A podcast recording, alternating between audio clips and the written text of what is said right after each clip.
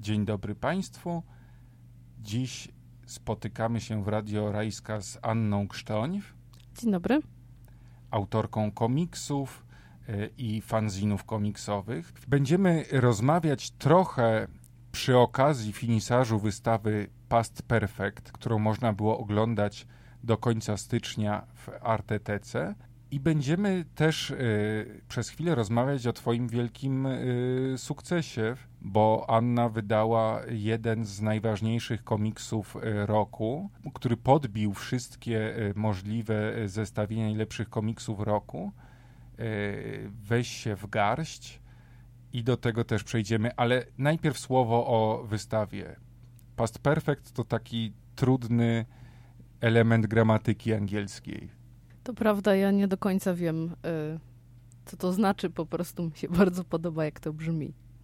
Y, To jest taka wystawa, która była już pokazywana w paru miejscach, też w Warszawie i w Poznaniu, w trochę zmienionym składzie cały czas, ale ogólnie rzecz biorąc, to skupia się na tych komiksach czy historiach komiksowych, które w jakimś sensie dotyczą mojej prze- przeszłości. Także jakieś takie właśnie wspominkowe e, rzeczy związane, nie wiem, z dzieciństwem, czy z, e, z latami liceum, które, które robiłam, e, pisałam i rysowałam do, do różnych magazynów, głównie zagranicznych.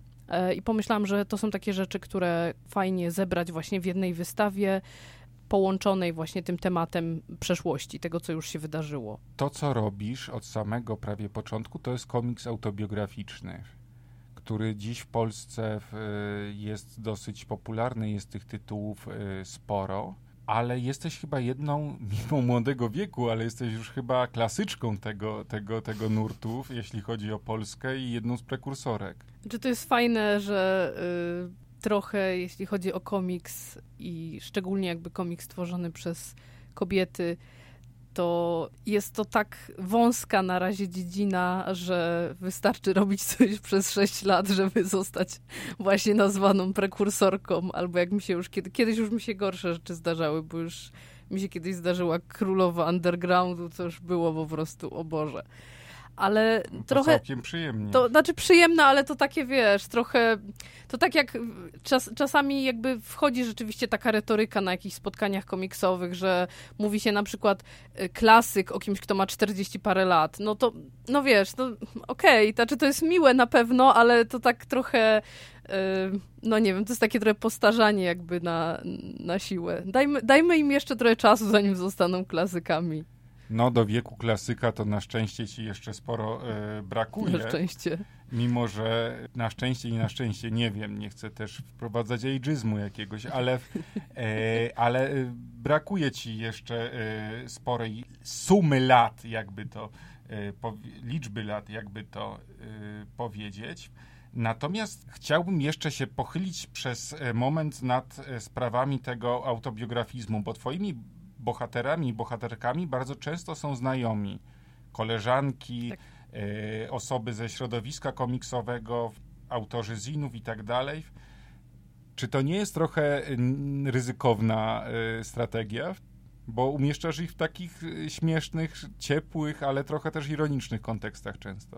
E, Tak, to znaczy na początku jak robiłam, e, jak zaczęłam robić takie komiksy, to jakoś się tam szczególnie nad tym nie zastanawiałam. Też trochę dlatego, że większość osób, które jakby w pierwszym roku tej takiej mojej twórczości właśnie jakby portretującej tą moją rzeczywistość, większość osób, która się znalazła w tych komiksach, to była zachwycona i to było jeszcze w czasach studiów na SP.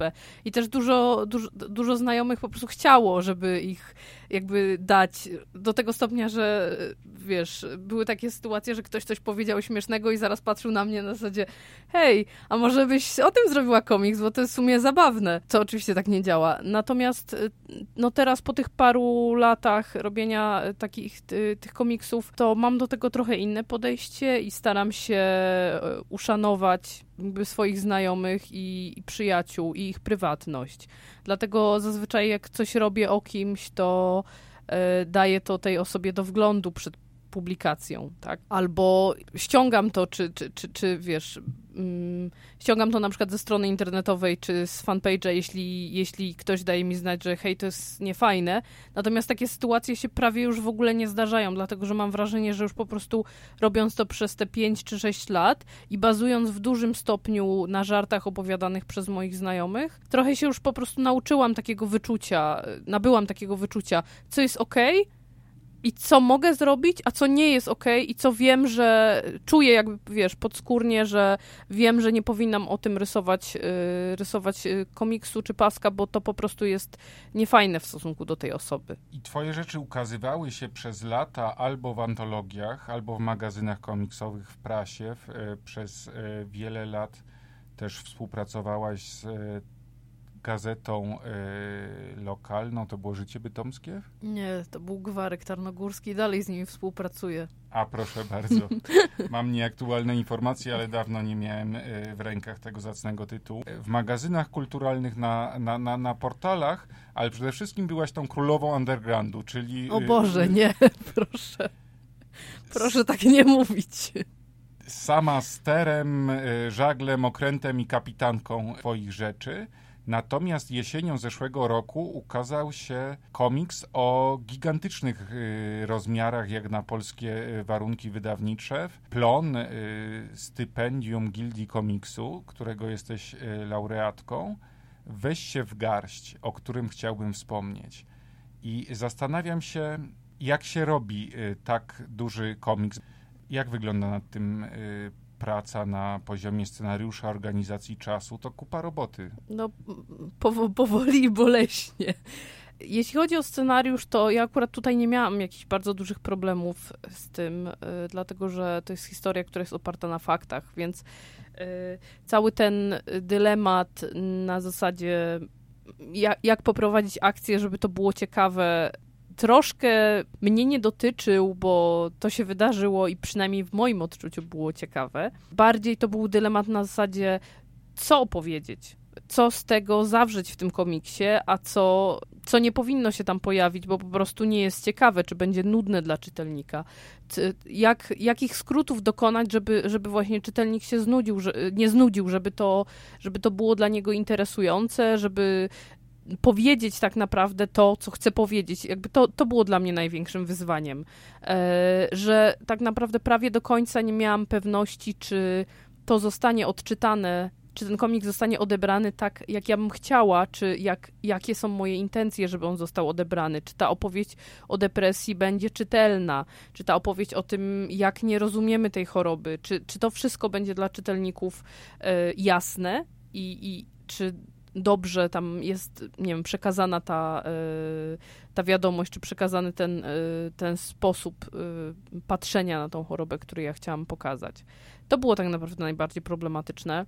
Z perspektywy czasu widzę, że to się chyba dosyć dobrze udało, bo, bo większość głosów, które, które do mnie docierały, to rzeczywiście były głosy jakby skupione na tej, na tej opowieści o depresji zupełnie nie spodziewałam się tego odbioru tego komiksu na takim poziomie nostalgicznym, który też był bardzo silny i wielu czytelników czy recenzentów właśnie zwracało uwagę na to, że to jest taka trochę podróż w czasie, co zupełnie nie było moim zamierzeniem i, i, traktowałam jakby jako budowanie świata, po prostu budowanie tych wszystkich rzeczy, czy pokazywanie tych wszystkich rzeczy, filmów, książek, utworów muzycznych, y, które były ważne dla bohaterek, a okazało się, że dla wielu osób to też było ważne, więc e, to było coś, co mnie bardzo zaskoczyło, ale to było takie mm, pozytywne zaskoczenie jak najbardziej.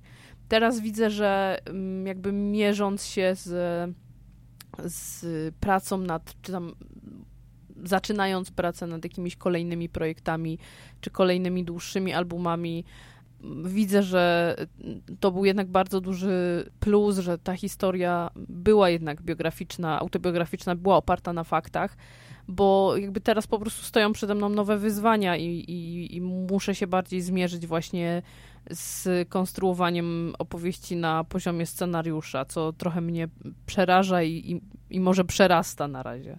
Do planów przejdziemy, bo jak już tutaj uchyliłaś rąbka tajemnicy, no to pociągniemy cię za język, ale najpierw chciałem cię prosić o taką refleksje o charakterze ogólnym, a w zasadzie to skonfrontować e, z tym, co ty myślisz jako autorka, moje takie spostrzeżenie, bo czytając twój komiks, y, miałem wrażenie, dla mnie to on był właśnie przede wszystkim taką atrakcją, jeśli chodzi o konstrukcję tego dziewczęcego świata.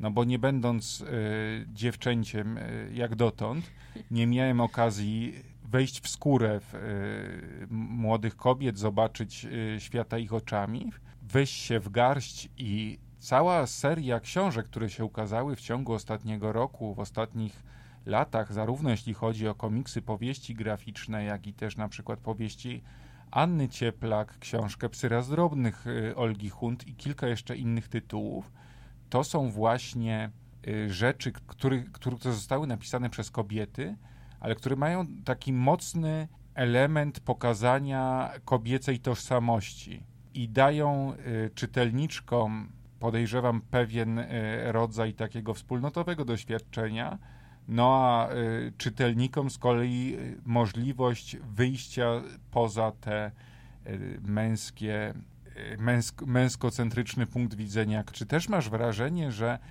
kulturą polską rządzą kobiety? Bardzo, bardzo odważne, bardzo, bardzo odważne stwierdzenie, tak mi się wydaje.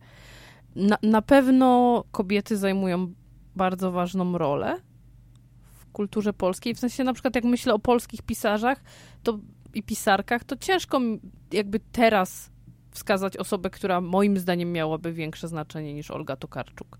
Więc w jakimś sensie trochę tak jest, ale ja nie uważam siebie za jakiś autorytet, jeśli chodzi właśnie o, o kulturę, bo nie jestem osobą, która super na bieżąco się wszystkim interesuje i na przykład super na bieżąco śledzi książki, które wychodzą, więc ciężko mi tutaj z takiej perspektywy mojej małej coś powiedzieć na ten temat. Natomiast na pewno jeśli chodzi o polski komiks, to ostatni rok był bardzo fajny y, dla, dla kobiet, bo, bo się ukazały świetne albumy od Gosi Kulik i Agnieszki Świętek y, i niezależnie od Edyty Bystroń, na koniec Wszystko spłonie, który jest, jest chyba jednym z lepszych albumów w tym mijającym roku. Przynajmniej w kontekście komiksu mogę powiedzieć, że wydaje mi się, że, że rzeczywiście to był na pewno bardzo dobry rok i dobrze się to rozwija, bo pojawia się dużo autorek, które yy, wchodzą na rynek od razu trochę z takim przytupem,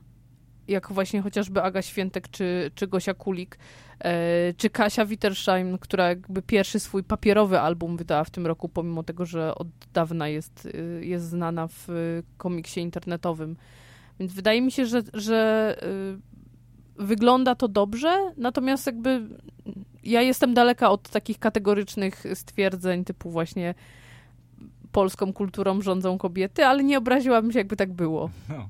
E, jakby wyznacznikiem tej ich kobiecości, o którą mi chodzi, jest to, że rysują, e, kręcą, piszą je kobiety, ale też to, że są przełamaniem takiego męskocentrycznego punktu widzenia, a z kolei nie są tylko rzeczami jakimiś takimi wsobnymi, także e, wszystkim to można polecić i można się czegoś dowiedzieć jakby o i tym, jak wygląda świat z innej perspektywy w ramach tego strasznego, prawda, gender, którego, jak się okazuje, po bliższym e, kontakcie z e, Weź się w garść, czy innymi wymienionymi tutaj tytułami nie ma się co e, bać.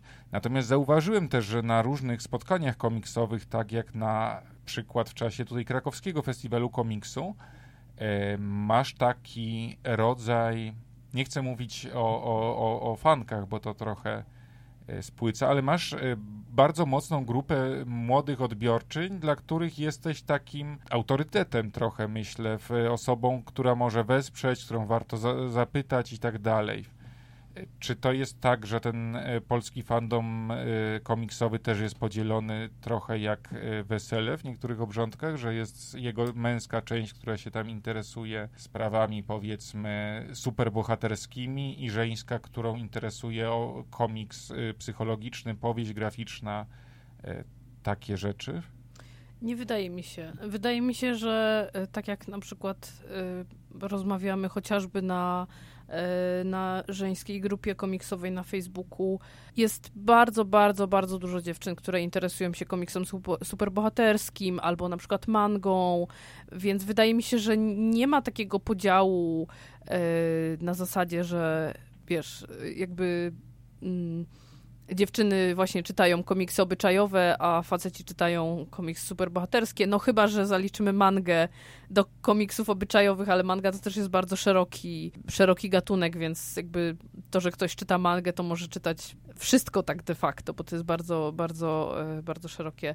Natomiast y, na pewno wydaje mi się, że to jest trochę tak, że mm, nie wiem, ale może się, mogę się mylić. Może to być tylko moje złudzenie, ale wydaje mi się, że to jest tak, że męscy rysownicy polscy, mówię o polskich rysownikach, czy twórcach komiksu mają więcej męskich fanów, a dziewczyny dziewczyn? Czy może ja na przykład mam wrażenie, że wśród osób, które przychodzą y, na spotkania ze mną, są rzeczywiście takie, takie dziewczyny, które poznaję, które kojarzę już sprzed iluś tam spotkań, czy sprzed iluś tam lat, ale też są, ale to wiesz, to samo mogę powiedzieć o facetach, bo też są tacy faceci, których kojarzę, którzy zawsze przychodzą, zawsze się interesują jakimiś moimi nowościami i to nie są osoby ze środowiska twórców, które znam, tylko to są po prostu czytelnicy, którzy gdzieś tam kiedyś coś kupili i tak zaczęli regularnie, więc jakby ciężko mi powiedzieć, czy jest taki podział, na pewno, wiesz, jakby jako dziewczyny w środowisku i, i twórczynie, i czytelniczki staramy się wspierać nawzajem, to jest, to jest jakaś tam wartość, która, y, którą bardzo lubię i która jest mi, mi bliska. Ostatnio dosz, doszła mi jakby tak, doszli mi tacy nowi, nowi odbiorcy trochę z racji tego, że rysuję do scenariuszy Sebastiana Frąckiewicza komiks dla kosmosu dla dziewczynek. To jest taki magazyn dla dziewczynek tam w wieku, nie wiem, od tam siedmiu czy ośmiu lat do kilkunastu lat.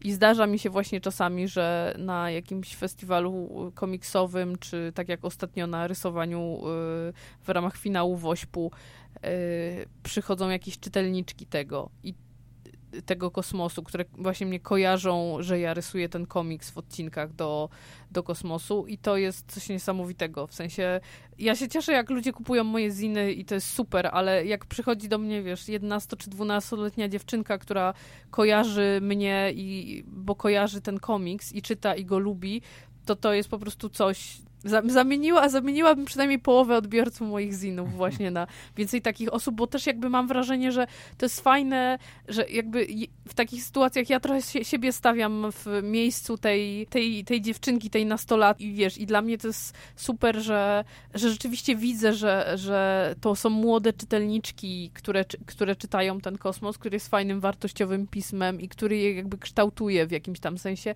i że ja mam jakiś wpływ na to, robiąc ten komiks, no nie niewielki, bo ja go rysuję, tak, nie, nie piszę go, ale mam jakiś wpływ na to, być może jak, jaką osobą będzie ta dziewczyna za parę lat. I to jest super uczucie. Ale powiedz jeszcze na, na sam koniec już, y, nad czym teraz pracujesz i gdzie będzie można zobaczyć twoje komiksy w najbliższym czasie. W najbliższym czasie na pewno będzie tak. Złote Kurczaki 16 lutego we Wrocławiu. I tam będzie miał premierę mój nowy zin który najprawdopodobniej będzie się nazywał 1127, ale nie jestem pewna do końca, czy nie pomyliłam numerków. E, I to, to będzie, znaczy to jest jeden z niewielu takich zinów, które zrobiłam od początku do końca z jakimś planem, a nie na zasadzie zbieraniny śmiesznych gagów, dlatego że to jest historia o tym, jak z moim przyjacielem Pawłem pojechaliśmy stopem na wystawę Egona Schiellego do Wiednia. I to jest coś, co planowałam już od bardzo dawna, a wreszcie teraz znalazłam czas, żeby to zrobić, więc mam nadzieję, że bez jakichkolwiek poślizgów się uda to na Złote Kurczaki wypuścić. E, mam nadzieję, że będę w Krakowie na festiwalu komiksu w marcu. 11 e, marca będę mieć spotkanie autorskie w Lublinie, a później na przystanku Komiks w Piasecznie, to jest 7 kwietnia i tam będę też miała wystawę, na której będą pokazane oryginalne plansze z się w garść. Natomiast jeśli chodzi o takie dłuższe plany komiksowe, to w sumie na ten moment ciężko mi coś konkretnie powiedzieć, dlatego że parę takich dłuższych projektów się krystalizuje. Jest spora szansa, że będę robiła komiks do scenariusza Oliwii Ziembińskiej dla wydawnictwa komiksowego. Jeśli chodzi o moje projekty, to taki, za który chciałabym się wziąć jak najszybciej, to jest komiks o milenialsach. Już dzisiaj o smutnych dzisiejszych milenialsach. To będzie y, raczej taka krótsza rzecz w porównaniu do Weź się w garść, bo tak myślę, że poniżej 100 stron powinnam się zamknąć, ale też muszę zobaczyć, bo tutaj właśnie wchodzimy y, do, na to, o czym mówiłam wcześniej, że troszeczkę mam nie tyle problem, żeby to scenariuszowo poukładać, mam bardziej problem, żeby się za to zabrać. Ja tak naprawdę dopiero nie, bardzo niedawno okrzepłam trochę po tej premierze Weź się w garść i pomimo tego, że to było we wrześniu, to trzy miesiące spędziłam robiąc różne zlecenia i robiąc różne rzeczy, ale tak de facto to trochę jakoś tak nie mogłam się zabrać za nic, za nic większego. sama myśl po prostu o tym, żeby usiąść i zacząć pisać jakiś scenariusz, to mnie odstraszała.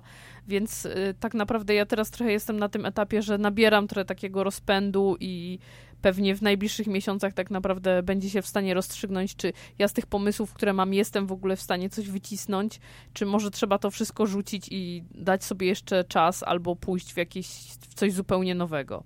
Będziemy trzymać kciuki i zobaczymy się w marcu w Krakowie, co radzi, radzę zapisać już y, wszystkim naszym słuchaczom w y, kajecikach i serdecznie dziękuję za rozmowę. Będziemy kibicować i mam nadzieję, że znów się niebawem zobaczymy w Artytyce. Dziękuję bardzo.